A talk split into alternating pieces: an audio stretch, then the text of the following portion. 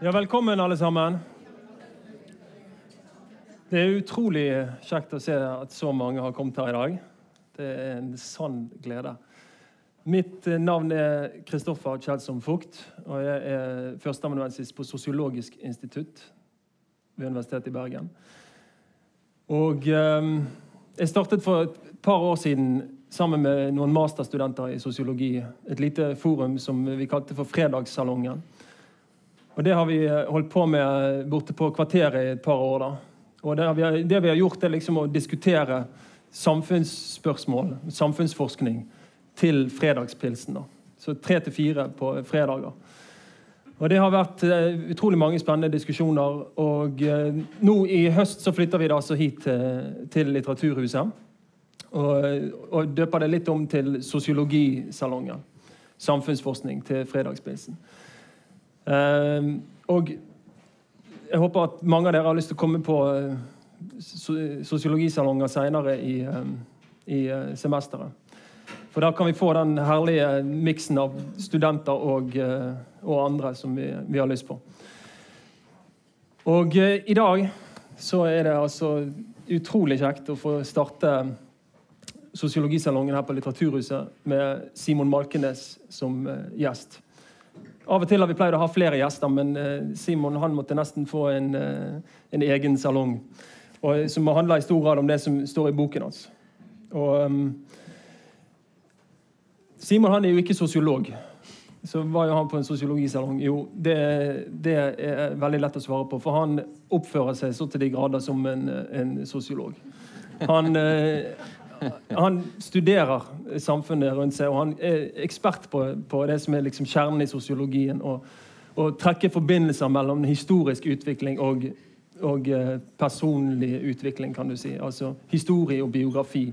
Og personlige problemer, og se det i forbindelse med liksom, sosiale spørsmål. Og eh, Han er jo da utdannet litteraturviter, eh, men med en god dose historie inni graden sin. Og det bruker han så til de grader i det han skriver. Og eh, Han er jo da en velkjent figur for de fleste av dere. Men jeg tenkte bare jeg skal si veldig kort nå, før jeg begynner, liksom litt om den skolepolitikkdiskusjonen som han skriver seg inn i, og litt om hans eh, på en måte historie. Eh, altså Når det gjelder den debatten som han, han har skrevet seg inn i, i, i, skolepolitikken, så kan vi vel si at den, den kommer i stor grad fra USA. Vi kan jo f.eks. ta året 1983 i USA. Da kom det en, en rapport som het 'Nation at Risk', som var bestilt av Ronald Reagan.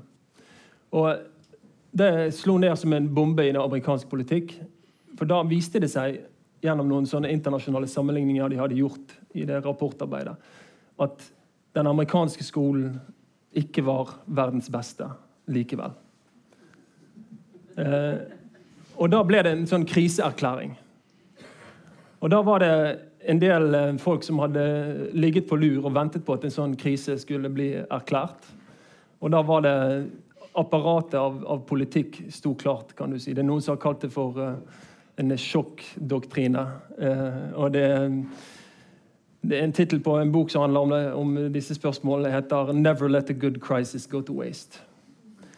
Så da ble det skolepolitikken plutselig eh, invadert av økonomer og revisorer, og det ble veldig mye snakk om standards. Eh, det skulle kunne måles hva elevene lærte. Og det ble innført masse markedstenkning i, i utdanningssystemet der. Og så hadde du da, Videre fra 1983 så utover 80- og 90-tallet så ble OECD stadig mer engasjert i kompetansepolitikk. Og Man begynte med disse internasjonale sammenligningene. Og Den kjenner vi jo veldig godt, den største av de som heter PISA. Den ble da gjort første gang i, i, i 2001. Da fikk vi på en måte vårt øyeblikk her som de hadde hatt i USA i 1983 allerede.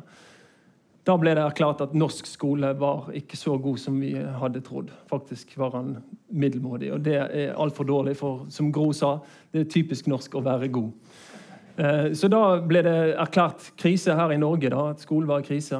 Og eh, da rullet man ut mye av det samme apparatet som de hadde gjort i USA noen år tidligere, med, med standardisert testing og, og etter hvert nasjonale prøver og kartleggingsprøver. Og mer enn markedstenkning innenfor utdanning. Det ble samme medisin. Og dette, Utover 2000-tallet fortsatte dette. her. Og eh, så kom eh, da etter hvert en lektor nyutdannet fra, fra UiB. Flyttet til Oslo. Begynte å jobbe på eh, videregående der i 2001 allerede. Og så ble han tillitsvalgt i 2009 og begynte å, å, å protestere mot en del og reise kritiske spørsmål mot den utviklingen som han så i Oslo-skolen.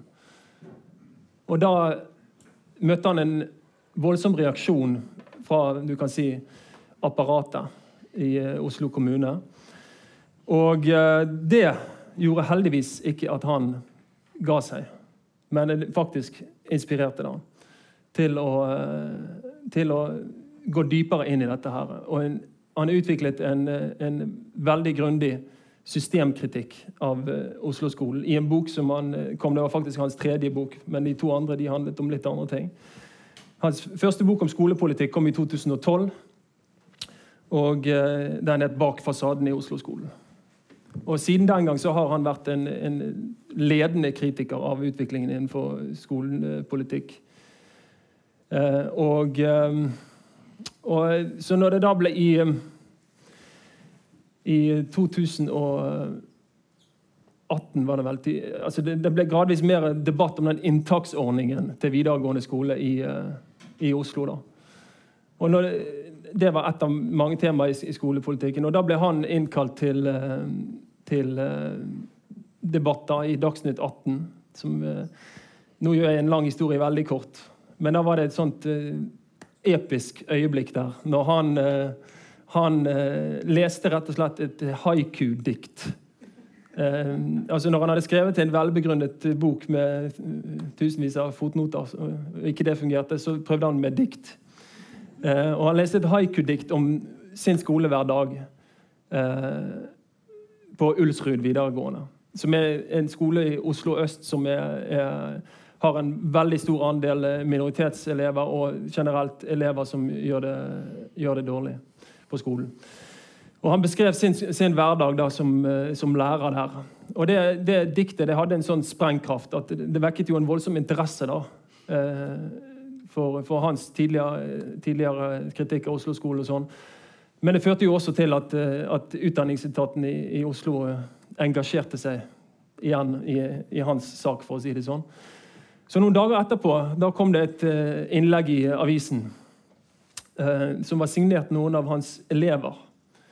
Og De skrev at de følte seg krenket av at han hadde beskrevet klasserommet sånn som han hadde gjort. Men så viste det seg etter hvert at det innlegget det var eh, forfattet på avdelingsleder sin PC. Hvordan kunne det ha seg? at elevenes innlegg var forfattet på avdelingsleders PC. Jo, det svarte vel eh, rektor på ganske greit. Eh, han, han, eh, når avisen spurte, sånn, så sa han at det er ikke uvanlig at elever får låne avdelingsleders PC for å skrive. ja.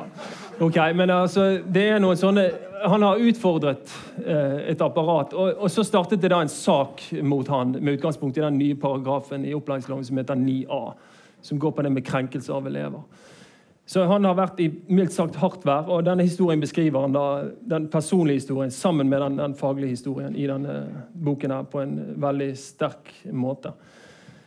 Og, og, jeg må jo si at det er ganske sånn Når du leser det, så er det ganske sånn Du kan tenke sånn Hvordan, hvordan står denne karen fremdeles eh, oppreist, liksom? For det, han har vært utsatt for en ordentlig, ordentlig storm. Men uh, ut fra det jeg kan se, så har han bare blitt Eller aller mest blitt styrket av det. Så det er det er utrolig kjekt at han ville komme hit. Men nå ga jeg et sånn ti minutters bakteppe for en liten diskusjon oss imellom. Så jeg tenkte at jeg skulle begynne med å, å, å spørre deg om du liksom ja, Nå ser vi jo nesten en gang i uken at lærere skriver innlegg om at 'jeg orker ikke mer, jeg slutter i skolen'. Og, um, og elever som er frustrerte, og det kommer til uttrykk på alle mulige forskjellige måter. Og, altså, men jeg syns stadig mer de siste årene, kanskje pga. Dine, dine, dine arbeider, eh, så, så har det liksom, jeg føler det er et opprør på gang. Eh, er du enig i den eh, diagnosen? Og, og liksom, hva er det et opprør mot?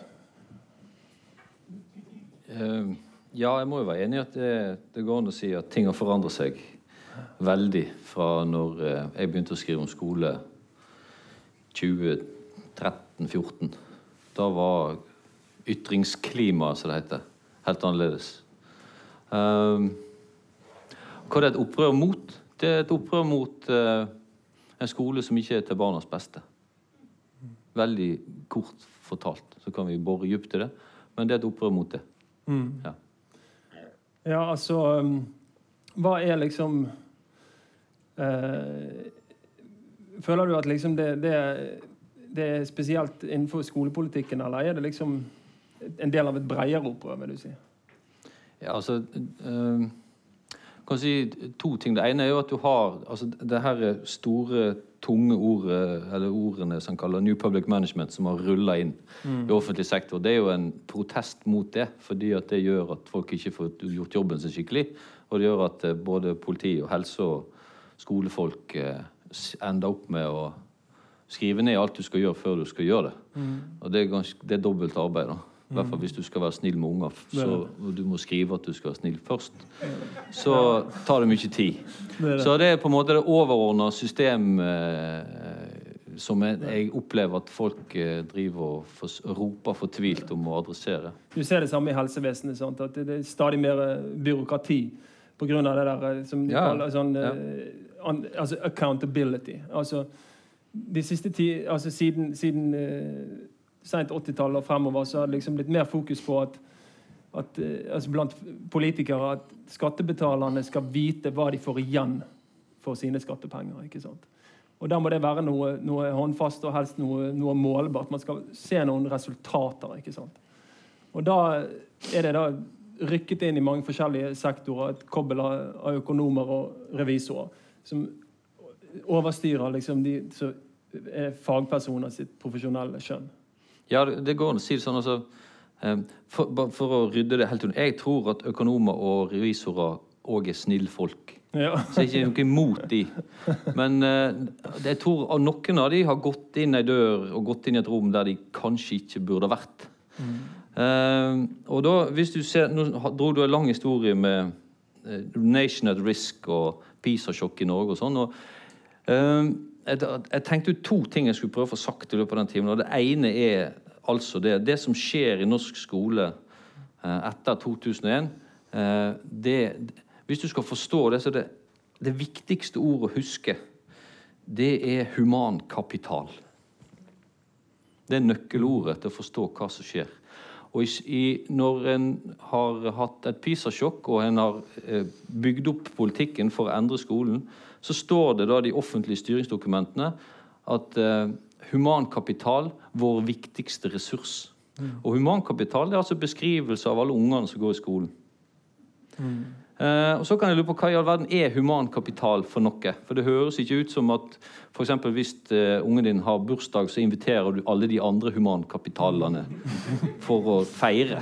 Så hvor kommer det her fra? da? Og da er det sånn at eh, En del av de karene som kan sies å være opphav til denne måten å tenke samfunn og, og fortid og fremtid og nåtid på, eh, de hører til i det som en kaller nyliberalismens høyborg i Chicago. og Chicago-skolen og Økonomisk institutt der. Og Der er det en kar som er veldig kjent, som heter Milton Friedman.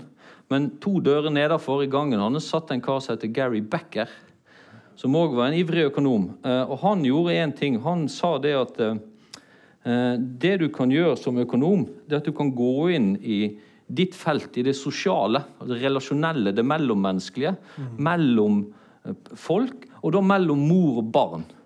Og så kan du måle det. Og det som da eh, Altså mors omsorg og, og, og ivaretakelse, oppveksten og det som hun gjør sammen med barnet sitt, det sier da Gary Becker at det er en investering som mor gjør. Eh, og det får hun tilbake igjen som den humankapitalen som barnet blir når det blir voksen. Et rent økonomisk eh, forhold. Eh, og det viktige da er at Når barn blir til humankapital, og, og du påstår og Det er kanskje derfor økonomene burde gått ut igjen av det rommet som de gikk inn i. Når du påstår at du kan måle da, alle faktorer i relasjonen mellom mor og barn, f.eks., mm. så blir det sånn at når det barnet begynner på skolen, så trenger vi å finne ut hvor mye, hvordan ligger det an med humankapitalen, vår viktigste ressurs. Mm. Uh, og Det gjør en da på de her testene som du snakker om. Uh, og Det er standardiserte tester. Vi har de nasjonalt selvfølgelig, og internasjonalt. Fordi at uh, Det er fort gjort å stoppe ved å, når en tenker at ok, Norge går opp og ned på PISA, og vi skulle gjerne vært best, eller vi burde vært best, og det er typisk norsk å være god og sånn.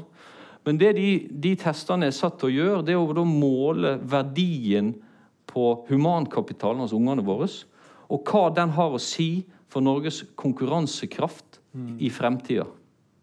Sånn at barn er målepunkt. Barnet ditt sin, sin 90 minutters test eh, i 5. klasse eller 8. klasse er målepunktet for nasjonens overlevelse i den fremtidige konkurranseøkonomien. Små, jeg skal si det en gang til. Barn, barn som går på skolen i 5. klasse, har en 90 minutters test som avgjør og påstår de økonomene som gikk inn i feil rom, som burde gått ut igjen, de påstår at det sier noe om hvordan Norge vil gjøre det i den fremtidige konkurranseøkonomien i konkurranse med andre land. Mm, og Da får du helt sånn absurde logikker som at velferdsstaten er i fare og sånn, hvis, hvis PISA-rankingen går opp og ned. Så det er helt absurde logikker i en sånn fremtidsscenario som uh, spinner av gårde, selvfølgelig. Men det, det er logikken. nå. Det er humankapitalen. Mm. Og når barnet tar et test, så påstår en at en kan, det si noe om framtida. Ja, Så da blir det veldig fort uh, målet da, som man arbeider mot, at, at uh, barn og unge skal prestere stadig bedre på skolen, og stadig flere skal ta høyere utdanning. ja, altså, men jeg, Det er jo bra når folk gjør det bra på skolen, og flest mulig må jo selvfølgelig ta høyere utdanning. Mm. Men uh, det er vanskelig å spå, spesielt om framtida. Og da er det jo sånn at Jeg er ikke sikker på at de her testene sier noe om velferdsstatens overlevelse om 20 år. Nei, altså, hva, er det, hva, er det, som kommer ut av fokus når man, man innretter, uh, innretter, undervisningen uh, mot å jobbe ja, bra på de testene? Det, det, er, det er litt artig, er det vel kanskje ikke, men det er et poeng. da, at Det å komme fra sosiologien, det er en egen lovmessighet som kalles Campbells lov, mm. så sier det at hvis du setter opp et system der du har ett målepunkt på én liten ting, istedenfor å forsøke å se systemet som helhet Altså hvis du har en 90 minutters test på skolen i løpet av fem skoleår, så blir den testen viktigere, og da styres alt du gjør mot den testen. Mm. Og Det skjer overalt. og det, det, det går ikke an å si at det ikke forekommer, osv., for det, that's it. Og da får du for, Én ting er, sant, Du får det på, på, på, fylkesnivå, altså på nasjonalt nivå, sant, men du får det også på fylkesnivå. Sant, at disse tingene har betydning. Eh, også internt i kommuner, sant, på skoler. Sant. Det blir veldig fort til sånn som det har vært, Den mest ekstreme utviklingen har vært i Oslo. Eh, på det? Altså at det blir liksom fokus på hvordan gjør elever det på ulike skoler det på disse forskjellige testene.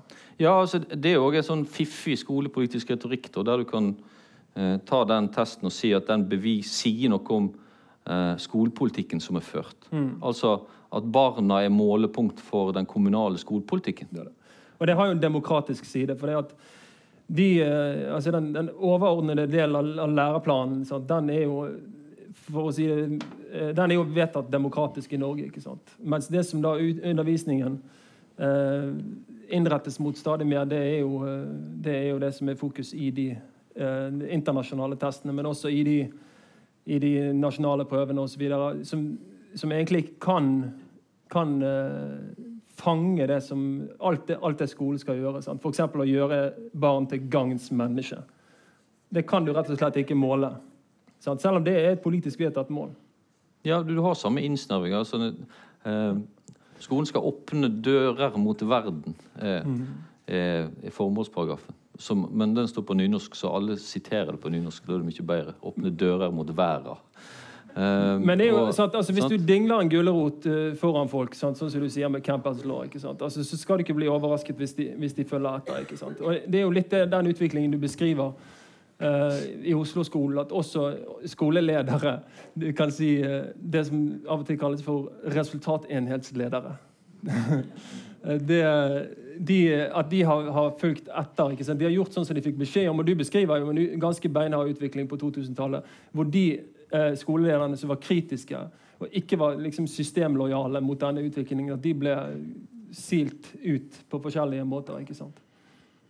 Så det er ganske, ganske tankevekkende. Og at dette får effekter helt ned på klasseromsnivå. Det er jo det som er styrken i, i din beskrivelse, at du trekker linjene helt fra det politiske helt ned på hverdagen i klasserommet. Med vold, f.eks. Og, og, og den utfordringen du står overfor med en klasse klasse av, av, elever som gjør det dårlig på det som blir verdsatt. ikke sant? Og så skal du eh, dra det lasset. Ja, du, du nevnte det her uh, ordet 'accountability' ja. i stad. Uh, altså ansvarliggjøring, eller resultatansvar. Uh, eller egentlig eh, enda bedre oversatt regnskapsplikt. Sant? Det, det er et revisorord. Mm. Accountant. Mm. Og, og det, det, det som, som, I det skolesystemet som jeg har jobba, så har du resultatansvar, eller accountability. Det betyr òg at eh, det, det, er en forståelse av at det som skjer i klasserommet eller på skolen, er da eh, kun et produkt av det læreren gjør, eller det rektor, skoleleder, gjør. Mm. Uh, og Det er òg en sånn uh, veldig interessant paradoks oppimot ditt fagfelt, igjen, du, hvor du kan ta vekk all kontekst. Mm. En elev er en elev, og hvis uh, outputen er dårlig, så er det de som jobber på skolen, som ikke er gode nok. Mm. Uh, så det er jo en ekstrem forenkling av svært komplekse mm. årsaksforhold, der da læreren blir ansvarliggjort for elevene sine testresultat. Bare Det òg er ganske absurd i seg sjøl. Det er noe så. Mm. Men det en har, da, det er at en har laga i, i, norsk offentlighet så levde den ganske lenge. altså En offentlig eh, lærerfigur, lærerrolle, drømmelæreren, mm. som er konstruerte eh, 2000 oppimot streiken, 2012 kanskje, rundt da, som er da den som har resultatansvaret, og som kan da egenhendig løfte barn ut av fattigdom mm. og nød eh, og, så, og så videre, i kraft av sin lærergjerning. Det er en, en sånn frelsertenking hvor lærerne går inn og kan, kan utligne sosiale forskjeller i samfunnet. Mm. Uh, gjennom testresultat. Det det. Ikke nødvendigvis gjennom en god utdanning, men det vist, og det ligger i, i, Hvis du går inn og ser på hvordan det her er beskrevet av de politiske de som, de som fører politikken, så, så er det da knytta til at det er barns testresultat som beviser om du har utligna sosiale forskjeller. Det er det. Sånn? Det er jo helt absurd igjen, for da har du den 90-minutterstesten ja. som da beviser at nå fins det ikke det nød og fattigdom mm. lenger. Det er det. Sant? Ja, det er det. Ja. Og, det, og, det, og, hvis de er gode, så er det læreren som har gjort det. det, er. Sant? Det er det, og det er, det er, veldig fascinerende med det du beskriver i boken. Det der med altså, hvordan retorikk om sosial ulikhet spiller inn her. ikke sant? Eh, det blir eh, det blir liksom sånn at hvis du, hvis du, Det ser ut til å være et mønster. at Hvis du protesterer på dette, så er du nærmest eh, taler du for å liksom bare la ting seile sin egen sjø, og det kommer til å gå utover de som gjør det dårligst, osv. Mens hvis du vil liksom gjøre standards, og du vil gjøre det på en sånn standardisert eh, måte, og gjøre hyppige tester sånn at du fanger opp de som presterer dårlig tidlig, osv., så, videre, så eh, da er du liksom eh, rettferdighetens eh, forsvarer. Så det der med, med, med det, det, er jo en sånn, dette, Denne utviklingen er ble, sånn som du beskriver det, blitt legitimert av en sånn retorikk om sosial ulikhet. Men så er spørsmålet Altså eh, Det store spørsmålet da, til deg blir jo hvem er det som, som eh, som taper på den politikken som blir ført? Hvem er det som blir sittende med the short end of the stick? Til syvende og sist. Sant? Når du ser bort fra retorikken, men du ser på realitetene. Ja, jeg må si to, jeg om retorikken først, og så du må minne meg på når du prøve å si to ting. Uh, uh, retorikken. Det som ligger her, som opererer i offentligheten, det er at du lager, uh, du lager motsetningspar. Eller det kommer alltid en stråmann sammen med den idealversjonen. Så hvis du ikke er drømmelæreren, så er, du, så, så er det automatisk forma i annen rolle, der du er privatpraktiserende. Ikke Nå heter det jo fremoverlent, men før het det noe annet sånn flott som er høres rart ut. Eh, sånn, sånn at, og da, Den sett med negative egenskaper som du automatisk blir tillagt hvis du ikke vil inngå i der, den politisk forma rolla. Så det er ingen nyansering her. Hvis du ikke er sånn som vi ønsker, så er du det som er fælt. Mm. Det er det ene. Og det andre er da the short end of the stick.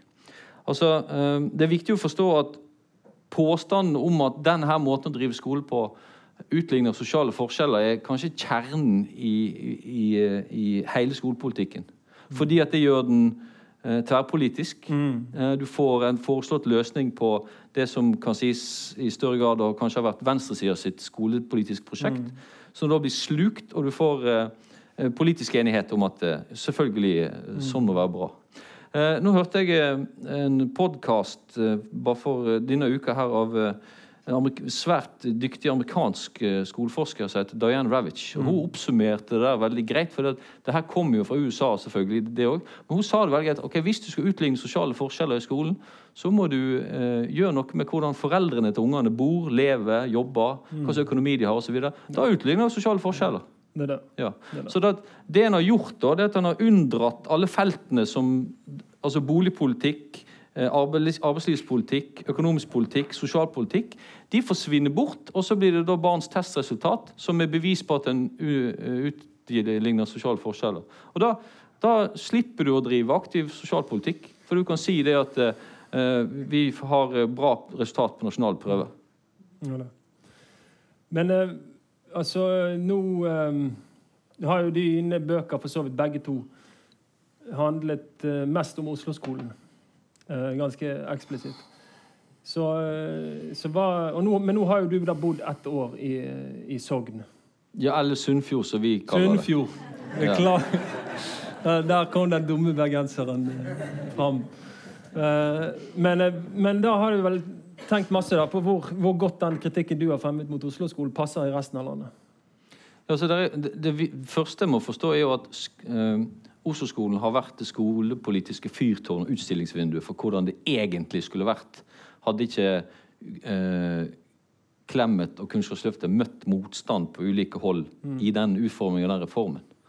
Sånn at ekstremvarianten, der fikk du med Astrid Søgne som utdanningsdirektør i, eh, i, i Oslo med en ekstrem markedstenking, med, med nyutforming av skoleledere, med altså det som de sjøl av å kalle konsernstyring. Mm.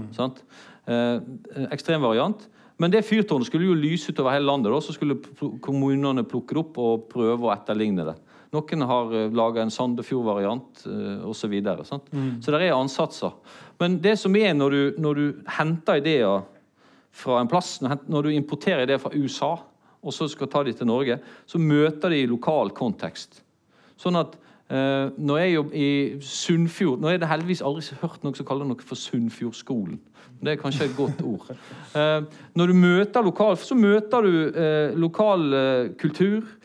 Måter å forstå skole og læring av unger på som er vesensforskjellig fra hvordan det er en annen plass. Mm. Det er bare at Sånn er verden. Det er forskjellig rundt omkring. og når du reiser rundt, så vil du ha svært forskjellige lokale kontekster som det her møter. Ja. Uh, og da, det, er en side, det er ofte tråkket fram Sogn og Fjordane at de, de uh, har en god skole uh, på tross av, og ikke på grunn av. Mm. Og, og, de knytter det til at en har en annen lærerkultur. En har en annen forståelse av lærerens rolle. Men òg læreren har en annen rolle i samfunnet og hatt det mm. tradisjonelt i lang tid osv. Så, så, du vil få, selv om kanskje det er bestemt, og intensjonen overfor er at det skal bli mer og mer som i Oslo på en eller annen måte, mm. så eh, vil det være folka som utøver det, så det er avhengig av. Og hvis de ikke vil, eller ikke har det i seg å gjøre det, så finner de en vei til å unngå det. Altså. Mm. Det er det. Så det, takk, eh, takk og lov for det lokale selvstyret. Ja, nei, men Ikke, ikke selvstyre. Det, det er ikke, poenget er ikke kommunepolitikere. Poenget er at folk som bor på andre plasser, tenker, tenker Nå er jeg sånn tenk, Faen, det der gidder ikke, altså. Det der, Sånn kan ikke vi ha det. det, det. Men det, det bringer oss inn på noe som jeg har lyst til å spørre deg om, og det går på dette med motstand. For det, er veldig fort gjort å, å beskrive denne, denne, utviklingen her som at det, liksom, det, er, det er bare noe som skjer. ikke sant? Og, og det, det, blir innført ovenifra og sånn. Men som du er inne på, så er det jo stort rom for, for, uh, for motstand. Og, og, da er liksom uh, du, du, ble jo liksom uh, Det ble jo opprettet personalsak mot deg da, pga. at du hadde gjort motstand. Men eh, er det en ekstremvariant, eller har det skjedd med andre også tilsvarende ekstremt harde, harde sånn, eh, imøtegåelser av kritikk fra, fra, fra etatsnivå? Tenk Oslo nå. Altså, mm. Det som var spesielt med meg, og, og, og det, vi vi kaller min sak, var at alle, alle fikk se på. Mm. Det foregikk i offentligheten. Mm. Men uh, den måten å operere på, uh, vet i hvert fall jeg og de, de mm. som har fortalt meg, har, uh, har skjedd en rekke ganger tidligere, mm. men da ikke i offentligheten. Mm. Og Da er ikke det synlig, og da får det fortsette. Mm. Uh, og Det er en veldig viktig ting i, i å forstå uh, hvorfor det her eksplodert sånn. For når alle, eller alle, men opplevelsen jeg hadde, var i hvert fall det at når folk fikk sett hvordan det her fungerte, så reagerte de med å tenke at sånn kan ikke vi ha det. Mm. Uh, og, det og det er på en måte det er responsen til, til, til norske mm folk. Eh, men, eh, men det, har, eh, det, har, foregått lenge. og En del av det som, som, skjedde med meg, var at når jeg ga ut bok og på en måte gikk ut i offentligheten og skrev noen kronikker, og sånn, så begynte folk å ta kontakt med meg. Mm. For de hadde ingen andre. Jeg var altså, vanlig fyr med rekkehus og, og sant? alt det der. Bleieskift og sånn. Og så skal alle ringe til meg og fortelle alle historier. For de hadde ingen andre. Det var ingen plass de kunne gå. Mm. Og det var på skoler på alle trinn og, alle nivåer rundt om i hele Oslo. Folk som hadde rømt, folk ringte fra andre fylker og fortalte. Rektor og lærer. Til meg.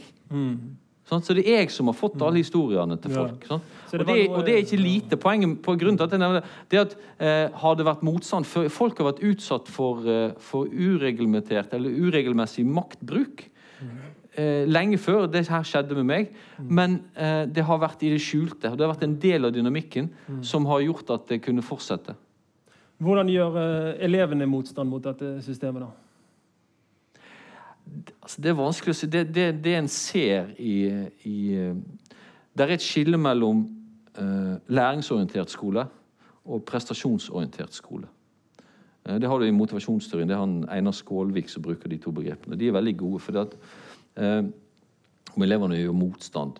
Eh, det han sier, er at i en prestasjonsorientert skole, der de voksne, eh, læreren, rektoren, skoleadministrasjon, kommune er opptatt av resultat, prestasjon, så lærer ungene at det er det viktigste. Ikke læringsprosess osv., men resultat.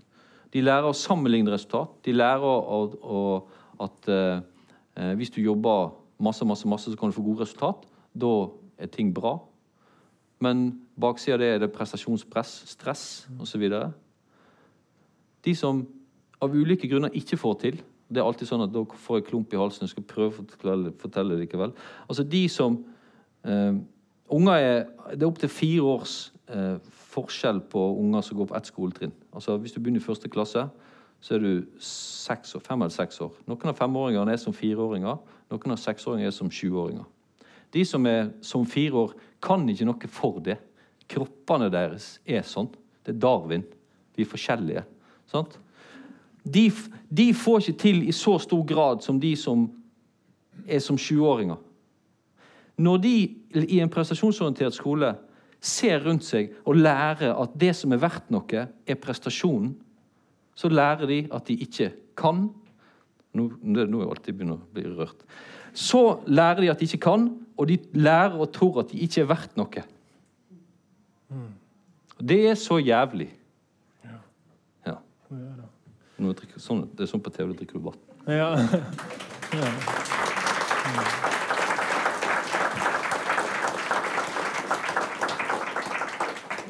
Og det som, det som du beskriver i boken, er jo også at det har eksplodert med, altså, med sykdom da, blant barn. Eh, I Oslo særlig, ja, faktisk. Ja. Og det er ledende psykiatere som har rykket ut og sagt at dette er en veldig urovekkende trend. En annen ting som, som man har sett, er økende vold. Og det er jo også en måte å, å gjøre motstand på. Ja. Ja, ja, altså, hvis du har som utgangspunkt, sånn som jeg mener eh, lærere bør ha, at det er ikke ungene sin feil, mm. så er måten ungene oppfører seg på, det er responser på hvordan vi har det på skolen. Sant? Uh, og det som, da er det altså, nok, Noen av de ledende sånn, uh, som jobber med fysiologi osv., Stein Førde og Trond Diseth, de har over 400% økning på innleggelser med, med unger i, i, i barneskolealder som fordi at de ikke er modne og voksne nok til å artikulere hva problemene er, eh, er det kroppene deres som snakker. Og de kroppene snakker, og det er de sjøl som forteller Stein Førde og Trond Diseth, de får lammelser. De, de, altså de, de midlertidig blinde.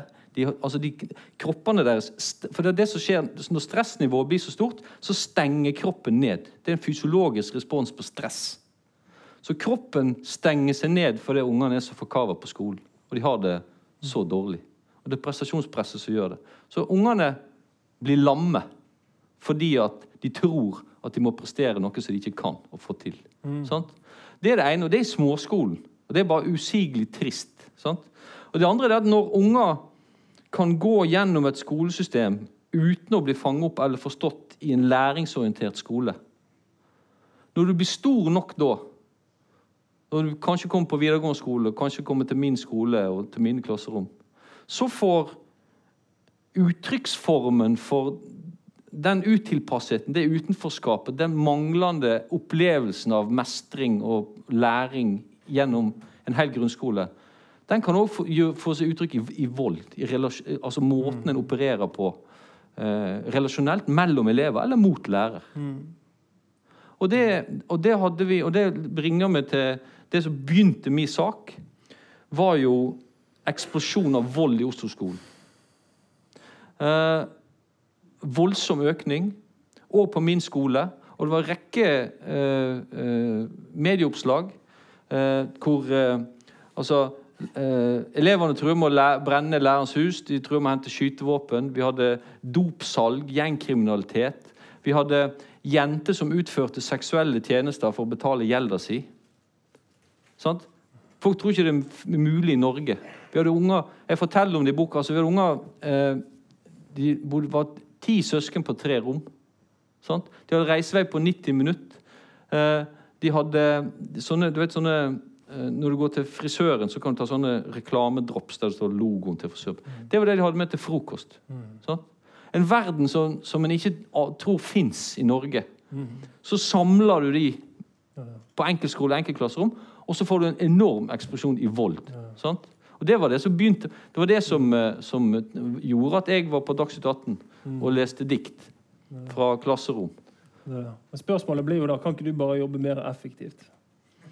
Jo, men altså, så er det sånn, så er det, så er det sånn altså, Måten jeg er strukturert på, da, det er jo at de faktorene som, som gjør det mulig å forstå og håndtere de her problemene, de er usyn, altså de står ikke de skjemaene du får. De, fordi, og, og, de er for komplekse, for det er en, en overforenkling. Mm. Så det du får, det er jo altså, På min skole hadde vi sånn at eh, skolelederen kunne sitte bak i, i, klasserommet og så kunne du krysse av på sånn skjema på hva du skulle ha med i en god undervisningstime. Og hvis du gjorde det, så var alt i orden. Det skulle løse alle problem. Sant? Og så er det mitt ansvar da å håndtere det som er uhåndterlig. Det er det. Ja. Og det er jo da et eksempel på en sånn standardisert oppskrift, ikke sant? Som, eh, som ofte pretenderes å være evidensbasert. Altså, det er noen som, som, eh, som visstnok skal ha noe vitenskapelig bevis for det et eller annet sted, og så det tres det standardoppskrifter nedover for ja, folk sin yrkeshverdag. Ja, ja. Eh, sånn som du beskriver der, f.eks. Men det som er, er klassisk, dette er jo et klassisk tema i sosiologien. Sant? Med, rasjonalisering, standardisering, mm. med Max Weber. Og det som han er inne på, det er jo at dette fører gradvis med seg en sånn eh, nedbrytning av fagutøvernes autoritet. Ja. Og det, det, det, ser du liksom i noe av det du skriver. Du ser altså at det er en, en, en sånn vekst i liksom mangel på respekt fra elevene for læreren. Så at lærerens autoritet blir brutt ned. Sant? Det blir kalt hore og, og ja. bitch og sier 'hold kjeft' til læreren. og så Ting som var helt utenkelig før. Mm. Og det er, det er, interessant å se det i sammenheng med det at, at lærerens faglige skjønn blir underminert ikke sant, av de standardiserte oppskriftene. Og dette fanger elevene opp. Ja, altså det er jo det Den, den kaller Altså, læreren jobber jo med unger. Sant? Og det er sånn, ofte så er brukt, for, for, å prøve å forklare hva som skjer i et klasserom til folk som ikke jobber i klasserommet, så, det, så har dere alle hatt barnebursdager. sant? Og inviterer. Og så er Det ene bare for å rydde det helt unna. Om, det, om, det, om klassestørrelse ikke har noe å si. Er det forskjell på hele eller halve klassen på barnebursdag? Sånn? Ja, selvfølgelig er det det. Og så kan dere tenke dere, snakke om standardisert undervisning. Eh, hvis du da laster ned oppskrifter for barnebursdagen og gjennomførte Hvor langt tror du kom før, det, før noe annet skjedde enn det som sto på arket? Det er standardisert undervisning. Sant? Det er ikke kjangs at det funker i det hele tatt. Så er det da sånn eh, Altså, hva er det vi lærere gjør? Sant? Jo, eh, vi må jo få og, og det, er sånn, det, er mange sånne uh, store ord som er brukt om det her, og en snakker om å se eleven, og en snakker om å ha relasjon osv. Så sånn, uh, bare forklare litt av hva lærere gjør. Sånn. Lærere skal få barn trygge, vi skal få barn til å stole på deg og trives osv. Men det er sånn altså, eh, Av og til når jeg holder foredrag, så kan du skikkelig ta det her opp. da. Altså Det er gjennomgående i, i de sivilisasjonene og de kulturene vi har i historien eh, at en skal eh, det som, altså det moralske imperativet til Kant. Da, at du skal behandle Du skal se mennesket. Ekke homo, sa eh, Pilatus. Sant? Når jeg sier det til mine, så ler de, for at ekke homo på latin er noe annet enn på norsk. Men, men du skal se dette mennesket, og, og, og, du skal forstå det, og du skal forsøke å leve deg inn i. Du skal bruke all din fantasi og all din skaperkraft til å kunne forstå hvordan dette mennesket har det, sånn at det kan lære. Mm. Og Det er gjennomgående i alle de religiøse skriftene og alle, alle måtene en tenker på. Så er det kjernen i vår sivilisasjon. Mm. Det er det læreren driver med mm. hver dag. Sant? Og det er kjempestort. Mm. Og så er det bitte lite, for det er hver gang du møter en elev, så er det det du gjør. Mm. Hele tida.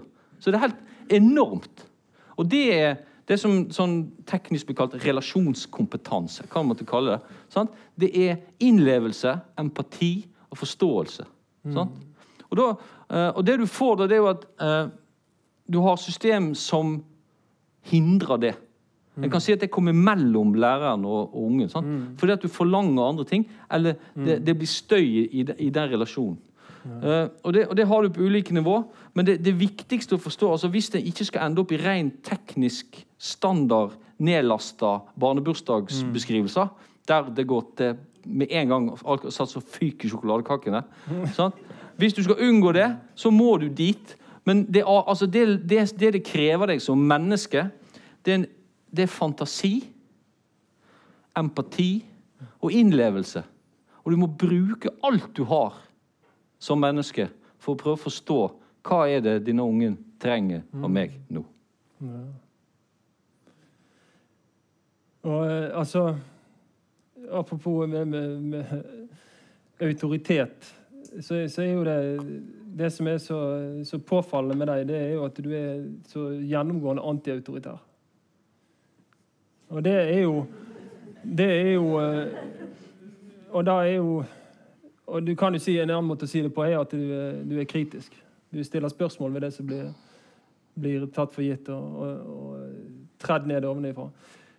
Og en, det er mange, mange innfallsvinkler til, til, å diskutere det, men risikerer man at sånne som de flykter fra skolen med den utviklingen man ser? Det er jo en massiv flukt fra, fra læreryrket. er Veldig mange av de som er utdannet lærere, jobber ikke som lærere osv. Og, og, tror du dette her med liksom Tror du denne, den utviklingen du beskriver, har, driver, det, driver det, det flukten fra læreryrket? Ja, altså øh, Sånne som meg. Det høres ut som en hel Uh, ja. Vanskelige folk. Uh, uh, nei, men altså det, det, Den drømmelærerrolla som en lager, mm. er jo en lydig og friksjonsfri person. Det. Som bare er, er, korrekt i tøyet og gjør som man skal. Mm. Uh, men heller aldri har noe problem med elever eller noe som helst. Mm. Uh, og det høres jo tilforlatelig ut. Det er litt sånn uh, Legoland eller et eller annet. Det er, sånn, det er helt sånn absurd forenkling av ting. Sant? At du kan bare gå rundt og ikke havne i trøbbel i det hele tatt, eller i konflikt eller noe som helst. Så det er jo det, er jo, det at folk rømmer fra, fra skolen, har jo blitt kalt praksissjokket. Mm. Sant? Og Det er ganske interessant, for at praksissjokket er jo det at når, når, det som en lærer om skolen, og hvordan skolen er, eh, både på lærerutdanninga, men òg i hvordan det blir forklart og forstått det her på skolen fra de som ikke er i klasserommet, når det møter virkeligheten For virkeligheten er en helt sentral faktor i skolen. Når det møter virkeligheten sånn så, så revner den forståelsen av hvordan skolen er, den teoretisk, med en gang. Det er ikke sånn. Sånn? Og de som ikke da har det i seg å, å, å skjønne hvordan du da skal forholde deg til virkeligheten, mm. de finner andre veier å gå. Mm. Og det der går igjen, det går igjen i måten en tenker skole på. Alt fra standardisert undervisning til konsernstyring mm. til hva det måtte være. Det det er, jo, det er jo, løsrevet fra virkeligheten. Mm. Og det er nesten sånn at det tåler egentlig ikke å møte virkeligheten, for da mm. ryker det. Sant? Og, og det, er sånn, det, det, det, er også en viktig ting. Altså, det språket som en har i de beskrivelsene eh, er Min favoritt som jeg har opplevd, det er da fremover-tilbakemelding. Eh, eh, som er da språk som eh, det, en, det en ofte kaller leders, leder, skoleleder og lederskap, bruker seg imellom når de snakker om skolen. Det er helt tomt. Og ingen av de ordene har, altså, jeg er litteraturviter, har referent til verden. De refererer ikke til noe. De, er, de, lever rundt i sin egen sfære og ruller rundt der. Sånn at du kan da gi Du må bli bedre. Det er sånn som jeg, når jeg når, Av og til så er du på sånne uh, uh, Hva heter det? Sånn samtale med, med ja, i, Nei, ikke det heter det heter utviklingssamtale nå. Ja, ja. For du har jo ikke, driver jo ikke med det. Og da får du sånn Du må bli flinkere på fremovertilbakemelding. Sant? Og fremover-tilbakemelding det er de folka der sitt ord på det som er beskrevet i stad. Kjernen i vår sivilisasjon. Det å leve seg inn i andre mennesker og forstå bruke fantasi, empati, innlevelse. og Alt du har for å forstå hva en unge trenger. Det er fremover-tilbakemelding. Så det du ser da, det er at du har en utrolig forflatning av hva skole er som de som enten kanskje liker den forflatninga, eller eh, at den gir mening for dem, opererer innenfor. Problemet er at de skal si til oss hva vi skal gjøre. Og det går ikke. Mm. For det at fremover-tilbakemelding kan ikke jeg si til noen Hei, mm. Gustav, kom hit. Nå skal vi ha en fremover-tilbakemelding. Mm. Sånn, da, er, altså, da er han gått. Ja. ja. Men altså nå skal vi snart åpne for litt spørsmål her. Altså. Men jeg har lyst til å, å, spørre deg om en ting som kanskje er litt mer sånn personlig. Så for så vidt er litt i forlengelsen av det med, med at du er antiautoritær. Men altså, du er, jo, du er jo åpenbart også veldig modig, da. Jeg vet at det er veldig mange som ser på deg som modig. Og det er jo også noe, sant, noe av grunnen til at du fikk Fritt Ords pris. Uh, Fritt Ords honnørpris her uh, i fjor. Eh, så det personlige spørsmålet blir jo litt sånn hvordan, altså, hvordan har du blitt antiautoritær og, og modig? Det er mye enklere å svare på hvorfor en blir antiautoritær, enn hvordan den, noen sier at du er modig. Da må du ta det vanskeligste. Ja. Nei, men jeg, har ikke opp, altså, jeg opplever jo ikke sånn i det hele tatt. Nei. Og, det er litt sånn, og det, da kan du tenke på hvor forskjellige unger i klasserom. Men er, min opplevelse av det er jo ikke at, at, det, at det var modig. Eh, jeg altså, prøver å gjøre ting rett. Sant? At, sånn, som, eh, sånn som jeg mener det burde være. Eh, men, og tilfeldigvis da så ble det sånn at alle så på, og så ble det til en fortelling om at det som jeg sa, var det som stemte. Sant? Men jeg tror jo det at det, det bor i alle folk uh, evnen og viljen til å det, det, er en fin måte å si det på. Til å møte urett med rett. Altså Når du opplever at noe, noe er urettferdig eller ikke er sånn som det burde være, så har en et behov eller impuls for å si fra eller gjøre noe med det, eller forsøke. Det er òg medmenneskelig. Mm. En har lyst til å hjelpe eller ordne, sånn at det blir bra. Mm. Og, og, og, og, jeg opplever at, det, at det, det heller der jeg Når jeg tenkte på hva jeg gjorde, var da Altså, mm. eh, Når jeg så rundt meg, og i de årene jeg eh, jobba i det her vi, vi, kan ikke ha det sånn. Mm. Jeg, hadde, jeg, hadde, en elev som var, sannsynligvis var rusa i norsktimen min. Så tok vi friminutt, så fyrte han av en pistol. Mm. Sant? Kan ikke ha det sånn. Så hva skal du gjøre? Jo, da, må du prøve å gjøre noe. Mm. Og det er sånn det er mer en sånn impuls på at uh, Vi kan ikke ha det. vi, mm. Sånn som det er nå, det, det, må jeg gjøre noe med. Mm. Så uh, uh, at, at, Jeg tror ikke hvis du googler 'modig', så får du det til svar. men, men, men det, er så, altså, det, er veldig rart å, å bli om, få liksom, beskrevet mm. som det. For det, det, jeg har ikke tenkt på det sånn i det hele tatt. Det er på film, når du setter ut med flagg, og så Ho-ho, nå skal vi være modige, og så ja.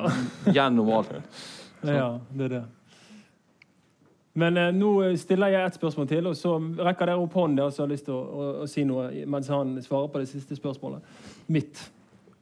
Og eh, det er vel liksom handler om hva du tenker går tapt Tilbake til dette med hva, hva er det man går glipp av når man innretter skolen eh, stadig mer mot, eh, mot, det som kan, kan måles på, på, standardiserte prøver. Sånn som har skjedd mer ekstremt noen steder i landet enn en andre, da, som du sa, med det forbeholdet.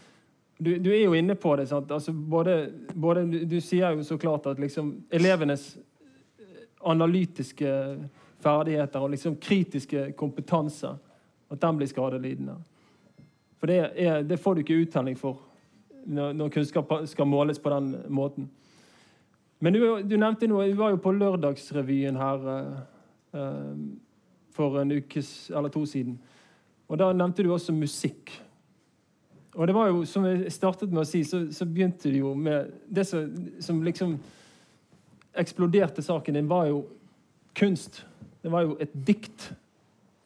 Så liksom, hva er altså, Estetikkens ja. rolle i skolepolitikken? Ja. ja. Jo, eh,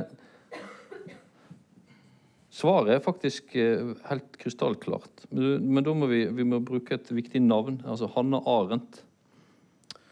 Uh, hun eh, Ikke misforstå meg nå, men vi er nødt til å, kunne si at hun satt og, og så når Eichmann ble dømt. Og så prøvde å forstå hva i verden er det med det her byråkratiske mennesket som gjør at han kan ha gjort det her, og ikke vise noe evne til eh, anger. Og så gikk hun til eh, Kant sin estetikk og mente at her ligger noe politisk. så. Og det er hvert menneske, og spesielt byråkratens, fantasi, innlevelse, empati, til å forstå hva som ligger bak tallene. Bak eh, matriser i den virkelige verden, i innlevelsen, som gjør at eh, at verden kan forstås. Men òg da at, eh, at eh, estetikken eh, spiller den viktige rolla at det er den som tar ned de farlige byråkratene. Nå gikk du, men det er noe sånt. Ja, da gikk jeg. Det, var, det ble så grådig kjedelig.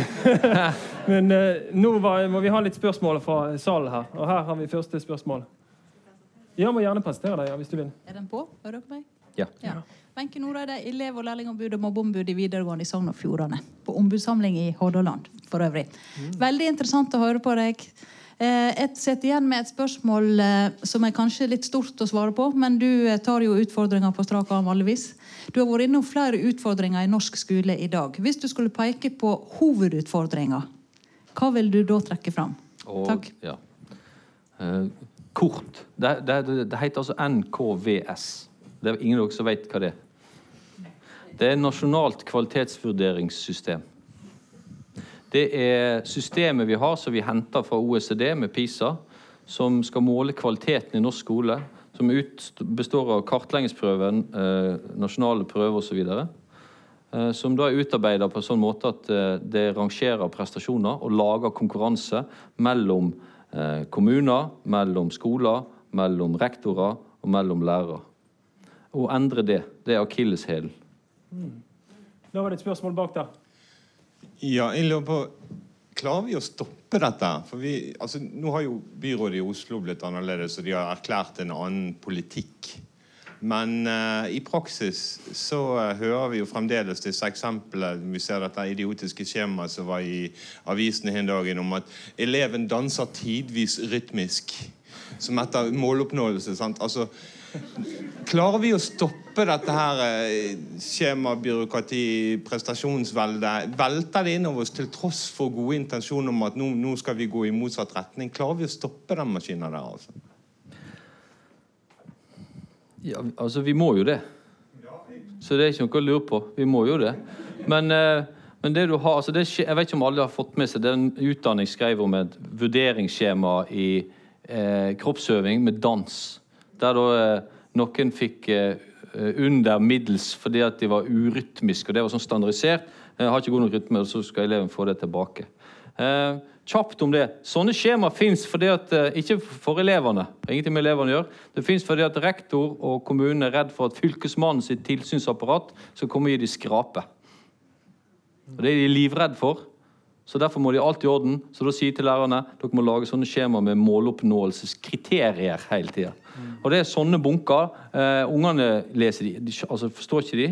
Lærerne eh, blir pålagt å bruke de fordi at det kan komme noen ridende fra Fylkesmannen og si dere gjør ikke det rett her. Så det er juss. Uh, det er ganske alvorlig system. Det er en del av det en kaller kommunalisering av norsk skole, der Fylkesmannens tilsynsmyndighet rir skolene mer enn en kanskje skulle tro. Men det kommer derfra.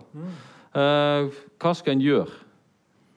Nei, En kan jo legge vekk skjema. Det er jo nummer én. Sant? Jeg så Marius Andersen var ute og sa det at uh, her er en, en, del lærere som trenger å bli bevisste på hva en skal gjøre og ikke gjøre i møte med kravene om eh, dokumentasjon som kommunene pålegger lærerne, fordi at Fylkesmannen kan komme og ta dem. Mm. Eller fordi kommunene tror at Fylkesmannen kan komme og ta dem.